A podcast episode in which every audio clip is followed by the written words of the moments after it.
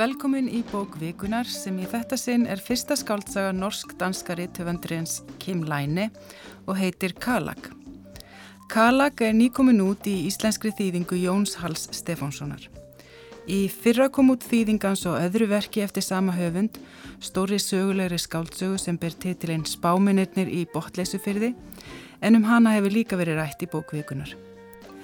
Spáminitnir var fjórðaskáltsaga Lænes og fekk bókmentaverlaun Norðurlandaráðs árið 2013 en Kalag var hans fyrsta bók og kom út árið 2007. Það er eftir vill ekki skrítið að bókaútgáfan Sæmundur heldur áfram útgáfu og verkum eftir Læne því Íslandingar tóku spáminunum í botleysufyrði opnum örmum og fyrsta útgáfanar seldist upp. Þetta fyrsta verk Lænes, Kalag, er líka ansið merkilegt og áhrifamikið fyrir margra hlutasakir. En áðurinn ég segi nána frá því langar mig að kynna gesti mína tvo sem er að þessu sinni Jón Yngvi Jóhansson, bókmyndafræðingur og lektor á mentavísindasviði Háskóla Íslands og Þóra Elva Björnsson, læriður setjari sem hefur meðal hann að starfa sem framhaldsskólakennari og við Ímis Rittstörf. Velkomin. Takk. Takk fyrir. Jón Yngvi, þú hefur kynnt þér verk Kim Læne og þú áttir við hann langt samtalum bækundunars í Norrænahúsin í vor. Hefur þú lesið alla bækundunars? Ég held ég að við lesið allar nema eh, eina sem heitir Því Sómlösu sem ég hlustaði á eh, sem hljóðbók á því að ég var að keira frá höfn í Hornafyrði til Reykjavíkur í vor. Þannig að já, ég þekki verkans sæmilega vel.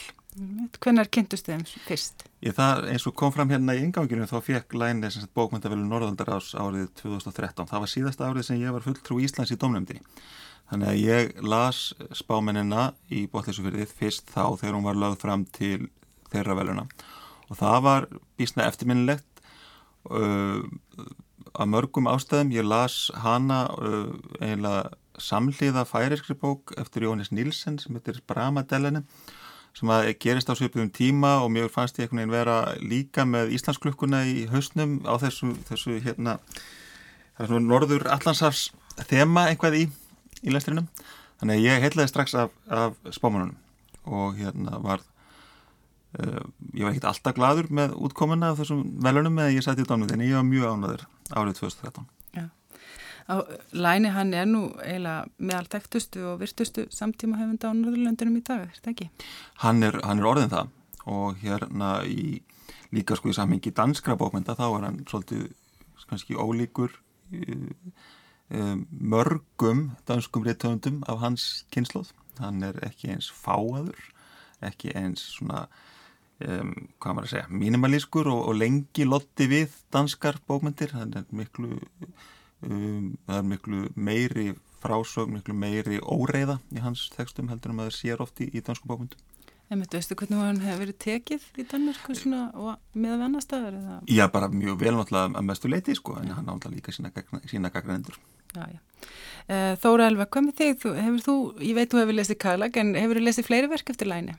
Já, um spámennina, botleysufyrði og mér fannst hún mjög merkileg.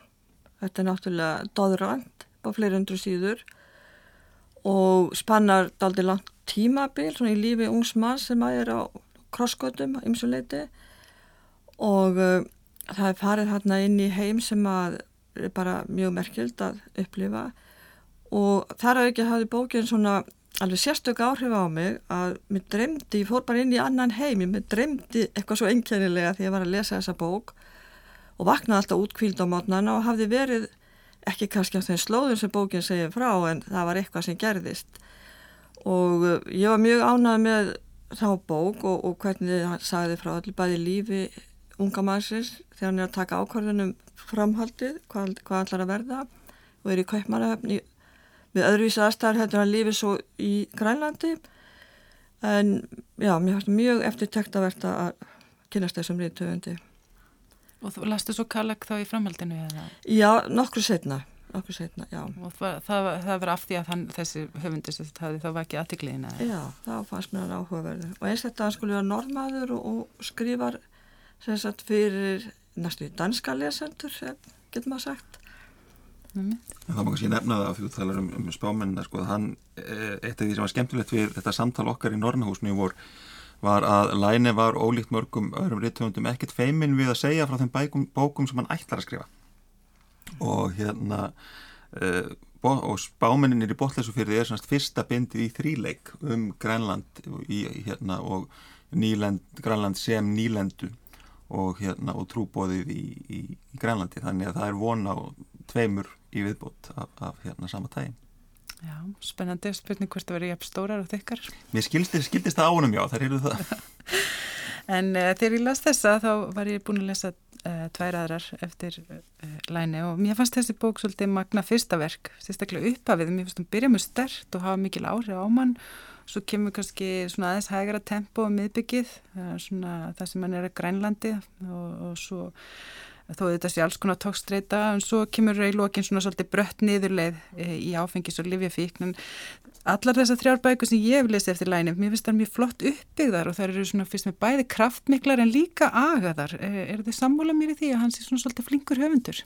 Hann er mjög flinkur og það er eitt af því sem er eitt merkilegt sem þessar bækur er sammeðinlegt og líka til Valdimarsdag sem hann byggir á örlögum Avasíns eh, sem að myrti elskuga eiginkonusunir uh, og allar þessar bækur eiga það sammeilegt að þeir býti skottið á sér. Þeir byrja á sagt, loka, sagt, byrja á endinum í raun og veru. Uh, þannig eins og Kalak gerir fyrsta, fyrsti kaplin í Kalak lýsir í raun og veru endalokum ákveðins tímabils í, í lífi sögupersonunar uh, spámennir byrja kannski ekki alveg á endinum en byrja á at, atbyrði sem að kemur mjög sent í sögunni og sömulegðis markar endalók hérna ákveðist tímabils í lífi Morten Falk og síðan Valdemar Stakk líka sem byrjar á, á endirum og hann er, jú, hann er mjög og það er kannski eitt af því sem er heillandi við hann hann er, eins og að segja þannig, hann er kannski svolítið óreiðikendari og, og óheflaðari heldur en margir danskir höfundar af hans kynnslóð en enga síður þá er hann mjög flinkur í að byggja upp sínar, sínar, sínar skaldsögur og, hérna hefur mjög gott vald á öllum svona meður um skaldskaparins hann er ekki mínimalískur en hann er kannski heldur ekki alveg uh, stjórnlaus í langt í frá, langt í frá. hvað segir þú Þóru, verður sammálokur? Já, já, já. Og þetta er, já, ég kann allavega mjög vel við stílinn. En það sem ég ást einnkjæna sko Kalag að það er þetta uppgjör við föðurinn og ferraveldið og við hefum haft hérna bækur á Íslandi til dæmi af að svona hérna svona seria fadir minn laknirinn og fadir minn skipstjórin og svo framvið sko. Og þeir komi allir mjög vel út þeir feður. En í dag eru menn að skrifa um föður sinn og það er alls ekki góðir kallar. Alls ekki, ég nefnir Knáskort sem margir þekkja. Og fadirinn í þessari bók hérna Kallag er náttúrulega alveg ræðilegur Einmitt. og við kannski hérna, vindum okkur bara núna í Kallag og hérna eh, byrjum að fjallum bókina en áður en við gerum það, þá langar mér samt að fá uh, upplestur á fyrstur línunum í Kalag í íslenskri þýðingu Jóns Hall Stefanssonar í lestri Gunnlaugs Bjarnasonar. Núk, november 2004. Regnið skýst í tindrandi skástrygum ofan úr myrkrinu sem grúfir yfir mér. Berangursleisar flatirnar millir blokkana eru lagðar þykri ísellu. Skafrenningur hefur fyrir löngu sleikt allan snjó í burtu. Það er söðvestan átt, strekking svindur frá veðraskilunum yfir Davís sundi. Ég er berhöfðaður með jakkan flakandi frá mér. Vatnið streymið niður kinnarnar, perlast á augabrúnunum og nefbrotunum og smígur niður undir skýrtuna. Gallaböksurnar loða við lærin og ég finn blöytan hroll læðast niður á milli tána. Mér verkjar í fingurneglunar en ég sting höndunum ekki í vasana. Ég refsa sjálfu mér með sorsöka. En það er stutt í náðun. Það líður að miðnætti. Ég er á leiðin í vinnuna. Það er að segja náungin sem ber sama nafn og ég og deilir með mér augum, húð og trostnuðum æðum er á leið til vinnu. Það sem hann ætlar að kvít svo sálina og taka á móti þeirri blessun sem hann veitur okkur á hverri nóttu millir klukkan 12 og 6. Tæpur klukkutími þanga til. Sjúgráðsvið stendur við sjáarsíðuna, allt uppljómað. Í hinsta sinn mun ég nú slást í hóp með kvítklætu starfsfólkinu, fella mig undir eðlir þetta ástand þess og þaulskipulaði vinnutilhugun. Samt veit ég ekki enþá að þetta er síðasta skiptið. Í byli er þetta bara enn einn nótt í svartri eilíð af liðnum og ókomnum nóttum. Við heyrðum hér upp af sorðin í bókvikunar, Kalag, sem kynlæni byggir á eigin reynslu. Því sagan er sjálfsæfisöguleg og fjallar um það þegar Kim, 16 ára gammal, stríkur úr smáþorpi í Nóri frá móður sinni og söfniðunum Vottum Jehova og eldir pappa sinn til Kaupmannhafnar. Þar kemst hann að því að pappa hans er hommi og býr með manni að nafni Sven. Kim kynist ímsum hliðum stórborgarlífsins en hlutinni taka mjög fljótt ískikilega stefnu þegar fadir hans fyrir að misnóta hann kynferðislega og gerir það reglulega í um eitt ár. Svo reynsla setur mark sitt á hann og ákanski sinn þátt í því að framtíða draumar hann snúast mikið um að fara sem lengst í burtu, til Afríku, eins og hann segir sjálfur, Þar er hægt að hverfa og byrtast aftur eftir halva æfi sem siguvegari eða útbrunni skar, snúa heim sem sögumæður. Hann er sannferður um að nám í hjúgrunafræði munu greiða leiðina til Afríku og velur því þá leið og endar með konu og tvö börn í núk á Grænlandi. Þótt allt sé þar framandlegt, menning, tungumál og landslag, tengist hann Grænlandi og fólkinu þar sterkum böndum og finnst hann eiga þar heima. Grænlendingum finnst það greinlega líka þeir kallan gerðnan kalag sem þýðir ekta grænlendingur en er um leið skammarirði. Spott að hálfuleiti og virðingavottur að hálfuleiti eins og hann segir sjálfur. En áfengis og livjafíkn sækir á hann og hann verður líka nokkus konar kynlífsfíkil sem sefur hjá hverri grænlenskri koninu og fætur annari og segist þar með vera sanna fyrir sjálfu sér að hann hafi líkamlegt aðdráttarafl fyrir aðra en pappa sinn. Hann verður líka æri ótlösari þegar fjölskyttan flist aftur til Danmörkur helst hann þar ekki við með þeim og sækir æg meiri aflýsingar hér og þar á Grænlandi. Uh, Jón Yngvi Læni hans skilgreinir bókina einhver stað sem endurminningaskáltsugu. Uh, eh, hann tala líka um autofiksjón sem er náttúrulega eitthvað uh, sem er mjög mikið talað um í Skandinavíu um þessa myndir. En þetta er náttúrulega mörguleiti bara hefðbundin sjálfsæfisaga. Já, ég, maður getur alveg sagt það sko eins og ég held að maður spunk hafi e, skilgreint autofiksjón og fleiri þannig að í, í þessu sko nýju, nýju tegund af sjálfsæfisögulegum skrifum þá feilist alltaf einhver evi sko um samningin millir lesandans og, og sögumannsins um það hvort að það sem erum að segja frá sé satt eða ekki satt eða hvort það sé verið að hvort það sé skaldskapur eða, eða æfuminningar en það ég er alveg sammála því að, að Kalag er að mörguleiti miklu, hefð, miklu hefðbundari bara já, sjálfsæfisa en sækir þá líka í alls konar hefðir sem að tengja sjálfsæfisugum þetta er líka að reyndar alveg eins og knáskóð sem hefur nefndir hérna þetta er líka sko hjáttningabókmyndir Já. og eitt af því sem er stert við, við þessa söga því þú veist að við, sko, þessi misnótkun föður er algjörlega miðlæg og uh, sko afleðingar hennar mjög skýrar í lífi og í æfi kems bæði í misnótkun hans á, á áfengi á livjum og í þessari kynlífsfíkn sem þú lístir en, en þetta er ekki bara hjáttningar fornalams því að hann er sko svo langt frá því að vera saglus sjálfur og það var sæmileg með knáskort þetta. þetta er líka hjáttningar mann sem hefur sko brotið á öðrum sem hefur eh, raun og veru eh, ávakstað sinn neikvæða og ljóta arf tölvert já, vel eða illa eftir hvernig, hvernig við, hérna, hvernig við, hvað orð við notum um það og það finnst mér líka áhugavert að sjá sko samanburðin á milli þessara bókar og spámanuna því að þeir uh, Kim og Morten Falk eða Morten Pettersen að, aðsögu heitja þeirra bókar þeir eiga mjög mikið og mjög margt sameigilegt í því hvernig ferðin til Grænlands um, verður til þess að leysa úr lægingi alls konar uh, djöbla einra með þeim. Og alveg eins og Morten Falk þá ætlar Kim sér svo sannlega þegar hann fer til Grænlands hann ætlar sér ekki að verða hinn dæmi gerði Dani, hann segir sko um, Ég fæ klíu við tilhugsununa um að enda sem klísjan hvítur maður í heimsókn í fyrrum nýlendu. En svo verður hann náttúrulega þessi klísja að mörgu leiti. Bæði, sko, hann einhvern veginn sleppir fram að sér, fram að sér öllum, öllum hömlum, hvað, hvað sem það snýst um, um sko, fíknefni eða kynlíf. Alveg nákvæmlega eins og, eins og, fólk, eins og Morten Falk gerir í, í spámanunum, sko. En um, hann sagði sjálfur í, í viðtali við uh, Jórinni Sigurðardóttur sem að, tók uh, fyrir viðsjá að, að uh, hún væri náttúrulega uh, svona intækið væri sjálfsæfisögulegt en formið væri svona skáltsagnalegt mm. heldur að það, það, þessi þannig sem að það likur mununa að flokka þetta bara sem sjálfsæfisögu eða flokka sem stundum hefur kallað skáldæfisaga Já, mér finnst það í sjálfur sér ekkert, ekkert, sko, ekkert mikilvægt allir, því að auðvitað eru eins og við vitum sko, sjálfsæfisögur hafa verið formaður eins og skáldsögur mjög lengi og, og náttúrulega eitt af því sem gerir þetta að svona klassískri sjálfsæfisögu er að þetta er sagan af því hvernig hann verður reythöfundur af því það skald, skaldæfisögu sko, bara alveg eins og, og fjalkirkjan sko.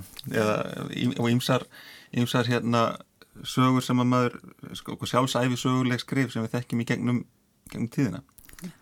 Þóra alveg, þú myndir strax á knáskort, þú hefur síðan strax svona einhvers konar tengslan á milli. Þegar þetta er mjög svipið tegund að skrifum. Já, þetta var svona öðruvísi nálgun og ofbúslega hreinskilisli frásög sem að hefur nú kannski ekki verið svo mikið um í, svona, í bókmyndum. En mér fannst líka hjá læni þetta að hann er á Grænlandi og uh, hvort er líka þetta með hérna, Dani og meðferð þeirra á Grænlandingum, hvort þetta er svona, já, hvort ég á að segja eitthvað nöðgun eða hvað það er, þetta er svona misnótkun á, á þjóð hefur, hefur verið. Og eh, en hann ræður ekkert við að breyta einu eða neinu og hann kannski langar ekki til að breyta neinu, ég veit ekki, hann ræður kannski ekki við það. Hann kemur sér bann, altså læni kemur sér bann hérna úr þessum sértróðsafniði, það sem er hugsað fyrir alla einstaklinga og fersatu föðurinn sem hefur einkænlegar hugmyndir og kemur allstíkilega fram. Og uh, þetta er svona vitið bara, bara þetta er ás, í svo mörgun lögu sko, hægt að horfa út út frá þjóðfélagi lífa einstaklings, fíknefnamist nótkun og svo mörgu öðru. Það er í rauninu miklu meira en bara þessi saga hans persónulega heldur er hann alltaf flétt á svo mörgu öðru inn, það er rétt. En í viðtali sem Jórun Sigurdóttir tók við kemlæni, þegar hann kom inn til lands að kynna þessa nýju þýðingakallag, þá sagði hann að bókin fjalli annars vegar um hans persónulegu krísu sem hann upplefa á Grænlandi en hún fjalli líka um það að tveir ólíkir menningarheimar mætast. Og þetta er náttúrulega mörguleiti lýsing á grænleisku samfélagirunni eins og hann upplifir það ekki þetta og þetta er svolítið hörðbók alveg Mjög hörð, já. Og ég veit nú ekki hvaða augum grænlendinga líta á bókina eða hvernig það er. En uh, þetta er já, lýsingarna snúast mest um vinnunans þarna og og sambandans við fólk og þetta er ekki fallega lýsingar. En hann fegrar sjálfan sig heldur ekki við að sinn þátt í einu en einu Nei, það er ekkit svona sagleysislegt við grænlætjurinn og þetta er mjög hart umhverfi. Mm. en hann, hann samt, samt kann vel við það og fólkiður þannig að það er eitthvað við þetta sem heitlar hann líka. Já, já. Og það hafa ábyggla allir upplifað sem hafa komið til grænlæs annarkort elskar fólk landið eða það vil aldrei koma þar eftir finnst þú kallt eða eða eitthvað svo leiðis að hann, ja, hann hefur ánættast þessu alveg. Einmitt. og eins og þú segir þá kem áhefur hann náttúrulega erum við þrjú lönd þarna undir. Þannig talar um hann elst upp í Nóri það er svona svolítið bakgrunnu sem kemur kannski svona upp aftur og aftur. Þessi tengslans við Nóri það er svona badnæskan bókin byrja náttúrulega þegar badnæskan er búin en það er samt eitthvað sem að snýr svona móðirinn er þar og það er einhver tenging við Nóri en svo er hann úlingur í Danmörku þar er það stórburgarlífið og það er svona þessi svakalegi fullarnsheimur sem býður þar. Og svo flýra neilegt til Grænlands. Þannig að þetta er mjög mikið um staði ekki, landslag, borgarlandslag og, og svona hann, eh, hvernig hann eh, tengir við þetta landslag. Jú og líka eins og, eins og tengi, bæta eins og þetta með, með menningarheimana að það er svolítið áhugavert að skoða þessa bók svona í tengslum við bara nýlendu bókmyndir almennt, því að það sem að læni eða það sem að Kim gerir í þessari bók sögu personan er í raun og veru það að hann reynir að, að klæða sig í gerfi grænlendings. Hann reynir að verða grænlendingur sem er svona eins og speiklun á því sem að yfirleitt eða oft gerist þegar að sko fólk úr nýlendunum kemur til uh, miðjunar þegar að hérna við, við konumst við þetta fólk sem að verður sko, kemur úr nýlendunum og verður enskar en allt sem ennst er í London hann ferir um að veru öfugalið, hann er sagt, nýlendu herran innan gæslappa sem að kemur út á jæðarinn en, en klæðir sig sko í, í búning heimamannsins eða reynir það mm. með, með, með einsum ráðum eins og eftirminnilegir kaplar þegar hann er að borða grænlenskan mat á sjúkrahúsinu og hinnir danirnir hérna, verða miklu nexlari honum heldur en grænlendingunum náttúrulega því hann borðar fiski með höndunum og hann borðar hérna sel og hann borðar fuggl og allt þetta sem að, sem að hinnum dönunum þykir, þykir viðbjörnslegt sko.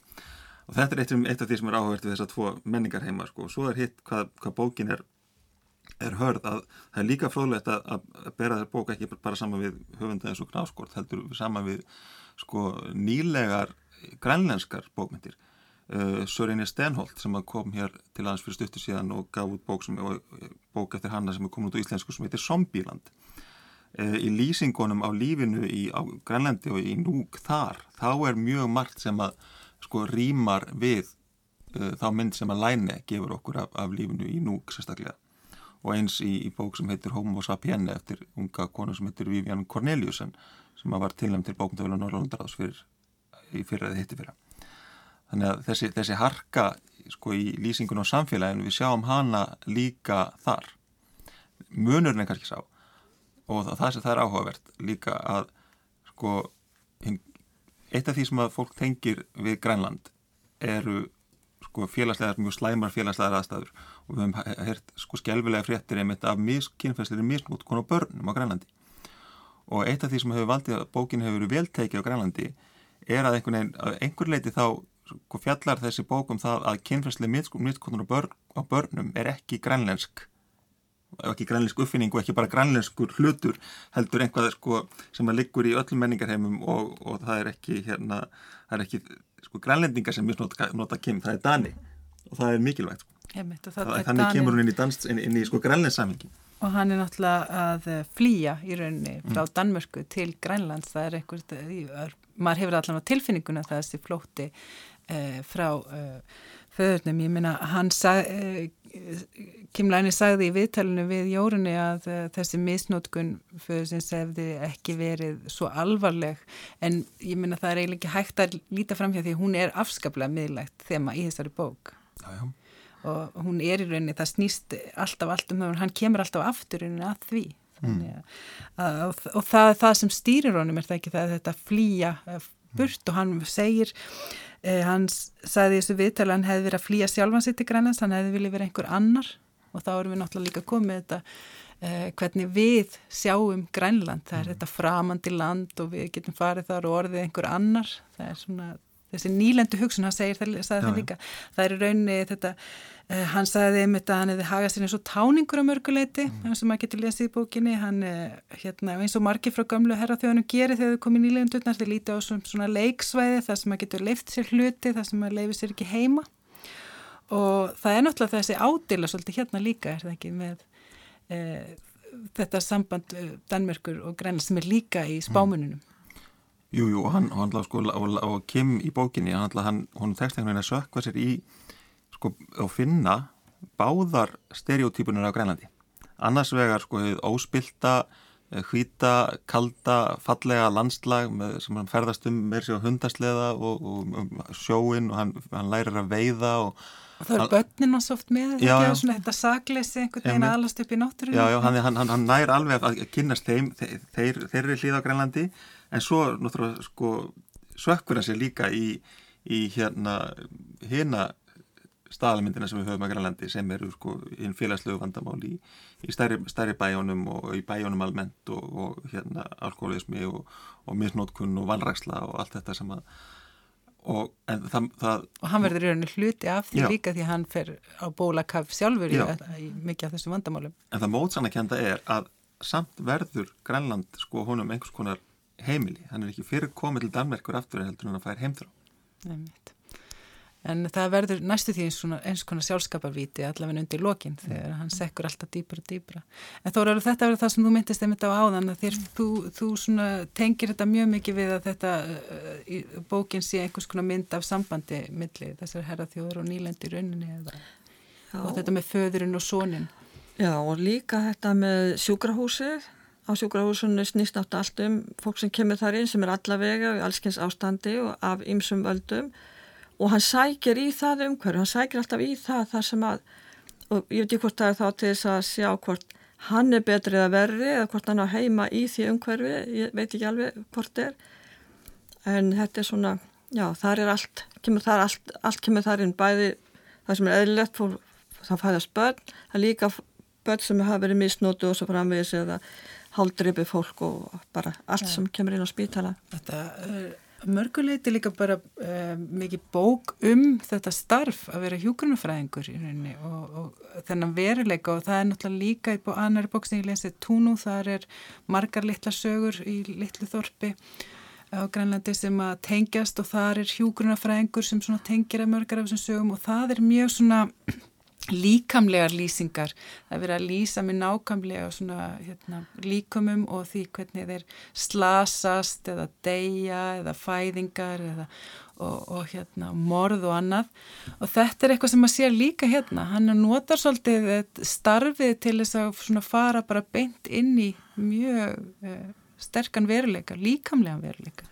Já, þetta er í, þetta er í öllum bókunum sko. þetta er í hérna í hérna bók sem heitir Áfgrúnen sem e, er fjallar meðal um, um sko, stríði í Finnlandi og, og með tilhengandi limlestingum og, og, og hérna ógnaði og hann skrifar mjög sko, það er allt mjög líkamlegt. Og eins og þú segir sko, það er þess, þetta er sko starfans og mentun eh, lýsa einhvern veginn í, í gegn. Af því að hann hefur bæðumlega þekkinguna en líka svo er það bara skinnjunin í, í hérna hjá sögumanninum og sögumannum öllum. Þeir skinnja einhvern veginn allt umhverfið sitt svo í gegnum líkamann og í gegnum líkama aðra annara og svo eins og segir það, það sem að líst er því hann er ekki bara hjúknarfræðingur hann er hann eina, eina sko að því hún tala um mörg á þann sko, eina mörgunum sem hann stýgur yfir í Grænlandi eru mörg starfsins.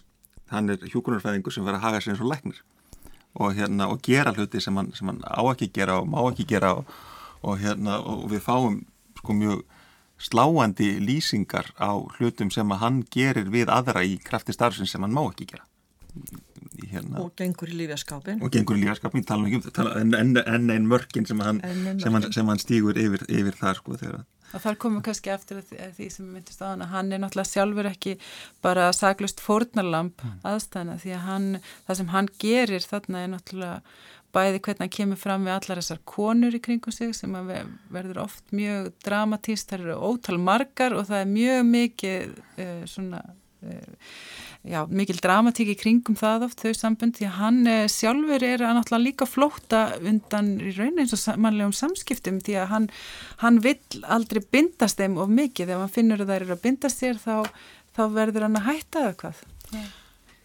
Er þetta ekki æskan eða bernska hans sjálfs segir ekki Sján-Pól Sartre einhver staðar að þú ert bara það sem að æskan gerir þig að eða upprunniðinn, mm. alveg sama hversu hátt þú ferð í lífinu að þú breytist aldrei það er upprunnin eða það sem þú eru orðið fyrir æsku sem að mótar þig alla tíð Jú, hann, hann, það, er, það er alveg algjörlega satt um, um, um hann sko, og, en svo er eitt sem merkilegt í þér, þú segir að það er um dramatík í samskiptum hans við konur sem er alveg rétt, það, það eru sko ekki bara dramatík, heldur stundum beninni sko líkamlega átök í samskiptum hans við ástkonur sínar.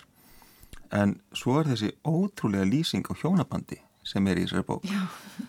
Að, að það, það er sko, það verða að kemur eiginlega aldrei til átaka á milli e, Kim og Lerke, eigin konans heldur um, fær hann bara leifi hjá henni í raun og veru til þess að, að hérna já, hórast eins og hann vill í, í, í hérna þegar þeir eru er á Grænlandi.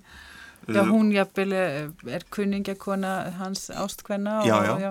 og, þetta, og þetta, þetta er kannski sko það er þetta margt sem er, sem er merkilítið þessari bóku og margt sem þetta er, að greina og setja í samhengi eins og við höfum verið að gera. En nú las ég að setja í annarskipti ég las ná íslensku núna í, í hérna, príðilegri þýðingu Jóns Hals. Og þá er þetta sem að setja svolítið eftir sem svona uh, sem gátan í bókinni.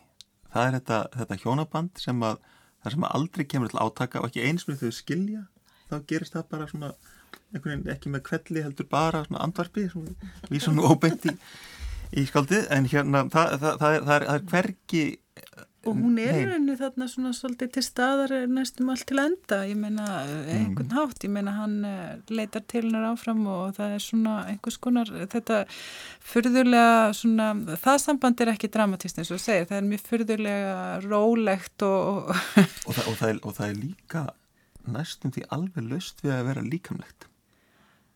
Með að við, með að við öll önnur sambönd í bókinni sem eru mjög líkamlega og líst þannig að þá þau egnast tvö börn á milli kabla.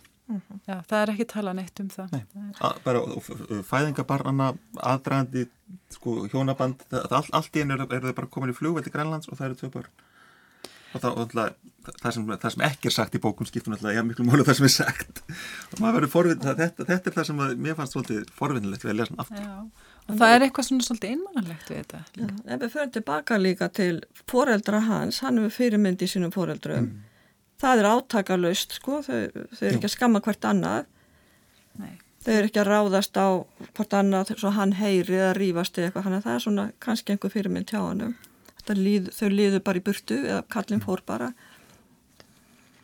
En þetta með að eh, sem við töluðum um áðan eh, einmitt með líkamann og það, en það við fórum líka að tala um uh, þetta með lífjamistnötkuna, það er annað dæmum það hvernig hann fer yfir einmitt mörg og hann, og hann talar um að hann þetta er eina starfi sem hann vill vinna. Það er að vera í rauninni aflýsingum helst einhver starf í einhverju smábáðu grænlandi þar sem hann fær algjör völd þar sem hann getur farið yfir þessu mörg og tekið sér vald læknis þannig að það sem hann þarf að, að takast á við eh, eitthvað sem hann í raunin ræður ekki við svo stórar eh, mistilmingur á, á skrokkum eða þau mikil veikindi að hann veitir þarf alltaf að vera í símasamtöfu lækni til að vita hvað hann á að gera næst en þetta er það sem hann elskar, það er eins og það þrái að fá þetta þennan mm. kontakt við lífið einhvern veginn svona mjög beint en svo er það náttúrulega þessi misnútkunar lífið líka það sem hann fer líka við strikið og bara vill vera bjargvættur en ræður ekki við það Já, Já hann, hann, hann þráir einhvers konar óreiðu og hann, hann þráir að, sko, að, að vera eins og það lýsir í hérna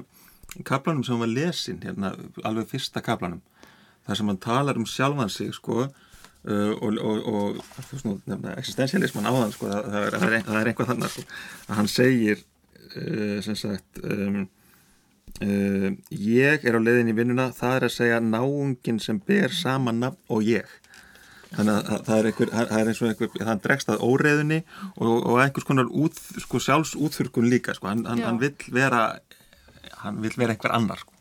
Einmitt, og það er þessi svolítið fjarlægð mm. vill, það er kannski það, það sem lifin kom inn í þetta, þessi deyfing sem mm. hann sækir í og það er náttúrulega verið mjög hratt fyrir, eða maður upplifir að mjög hratt í bókinni rauninni, það er náttúrulega nærið með mörg ár mm en það fyrir að vera svona stittri kaplar í rauninni, þetta fyrir að vera svolítið dagbókalegt það kemur uh, vor 2001 mm. eða haust 2002 og þá fyrir svona vera svona stittri kaplar það sem er bara raun að vera að lýsa niðurleið mm. ekki satt í, í hérna þegar hann fyrir að taka fleiri og fleiri lif það er ótrúlegt magna livjum mm. sem er að dæla í sig og svona hvað hann kemst upp með þetta lengi líka mm er, en það er svolítið átilega náttúrulega danska helbriðskerfið í þessu líka.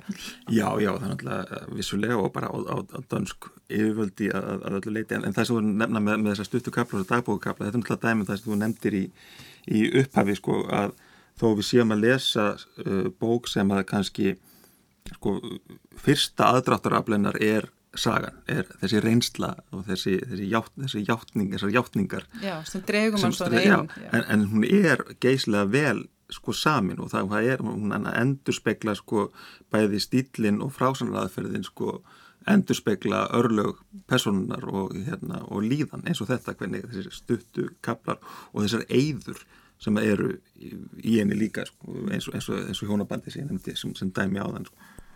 Já það er eins og þér fyrst í rauninni eðurnar það sem er núna sem var svona kalli mest á því það er atvinni sjúkdómur en, en nei, já, sko, jú að einhver leiti, sko, þá, þá var það eitt af því sem að, hérna, sem að satt eftir núna. Já, ég gist þetta það, það ég hafði nú líka svona ég vækti mikla undrun hjá mér lýsingarnar á þessu hjónabandi líka, mm. það lítur að vera saman hér þegar þú eru alveg Já, mjög sérstakt, mjög sérstakt.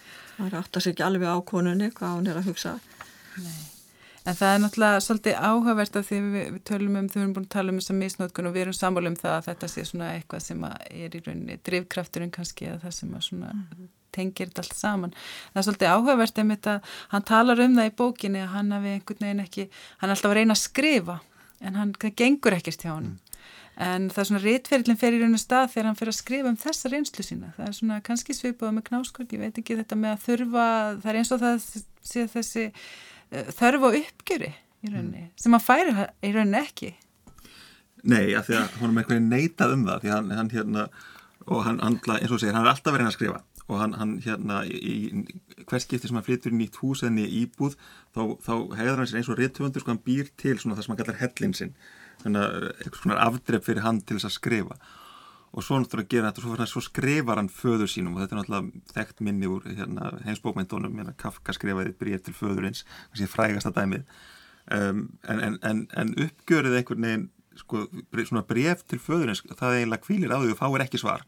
Það er versta sem hann getur gæst eftir að hann kemur fyrir lænir sko, hann fær svar það sem hann er eiginlega bara svona fæðirinn svar hann í gamansömmum tón og hérna, gerir lítur hlutunum og og hérna sendur hún skopmynd, skopmynd og, og neytar hún þannig um uppgjörið sko. einmitt Þannig að þetta er líka, eh, ég menn það er eiginlega hægt að segja þetta sig þroska segja það beinti að saga um að vinna bug á fortíðin eða standa upp sem sigurveri. Mér fannst þetta að vera meira svona eins og saga af nýðurleið. Er þið sammála? Hvað segir þú Þorvaldur? Já, eiginlega. Þetta er ekki, já, hann fær ekki það uppgjör sem hann kannski þráir og þyrta á að halda. En Þorur heldur ekki að leita eftir því held ég og mér finnst líka sko eins og hann þór ekki að taka ábyrg, hann vill, vill vera eitthvað, vill vera númer, vill lakna, vill vera atast í öllu mögulegu en hann veldur ekki ábyrgin og það eigur bara á hans eigin vanlíðan í raun og veru. Og það er þetta rótleysi sem Já. er náttúrulega enginn söguna, eh, einhvern veginn æg meira, er það ekki sem líð, eftir sem líður á? En svo komum við alltaf því þessum vorum við að tala um aðan með, með hefðbundna sko, sjálfsæfusögu eða skaldæfusögu að það er einbyggt bara í formgerð slíkra verka að, að þroskin fælst í því að hafa skrifað bókina.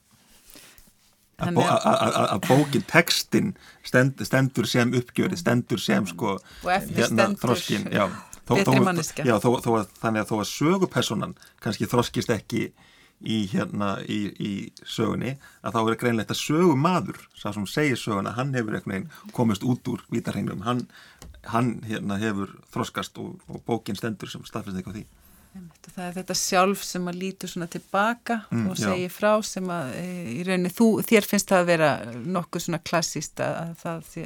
Já og það, það er það er sæði sákim sem hefur þroskast sko. ekki sá sem verður að segja frá, heldur sá sem talar. Einmitt. Um, hvað segir þú Þóra vel eftir að lesa þessa bók heldur og er eftir að lesa fleiri bækur eftir læni heldur að... Alveg öruglega, alveg öruglega fylgjast með og hérna þú segir þessi vonu á tveimur stórum Ég veit um tvær. Sem hann ætlar að skrifa. þannig að þú býður vantilega spenntur eftir því. Já. og við mælum náttúrulega með þessari bók uh, fyrir alla því þetta er náttúrulega svolítið að þetta er fyrsta bókinans en hún setur svolítið tónina það ekki, það er mjög margt í henni sem að gefur til kynna hvað kemur á eftir. Algjörlega og ég heldur endar að það sé ennþá be, að það sé best að lesa það í þeirri röð sem það komið út í Íslensku. Að lesa spámennina fyrst og Kalak svo því hún varpa ljósið á Martís Bóman Það er með að ljúkum við umfjöllun um bókvíkunar sem var Kalak eftir Kimlæni eh, Gesti mínir voru Jón Yngvi Jóhansson og Þóra Elva Björnsson og ég þakka þeim kærlega fyrir spjallið en hlustendur vil ég minna á heimasíðu þáttarins rúf.is skástrygg bókvíkunar og þar má meðal annars nálgast viðtöl og eldri þætti. Verið sæl.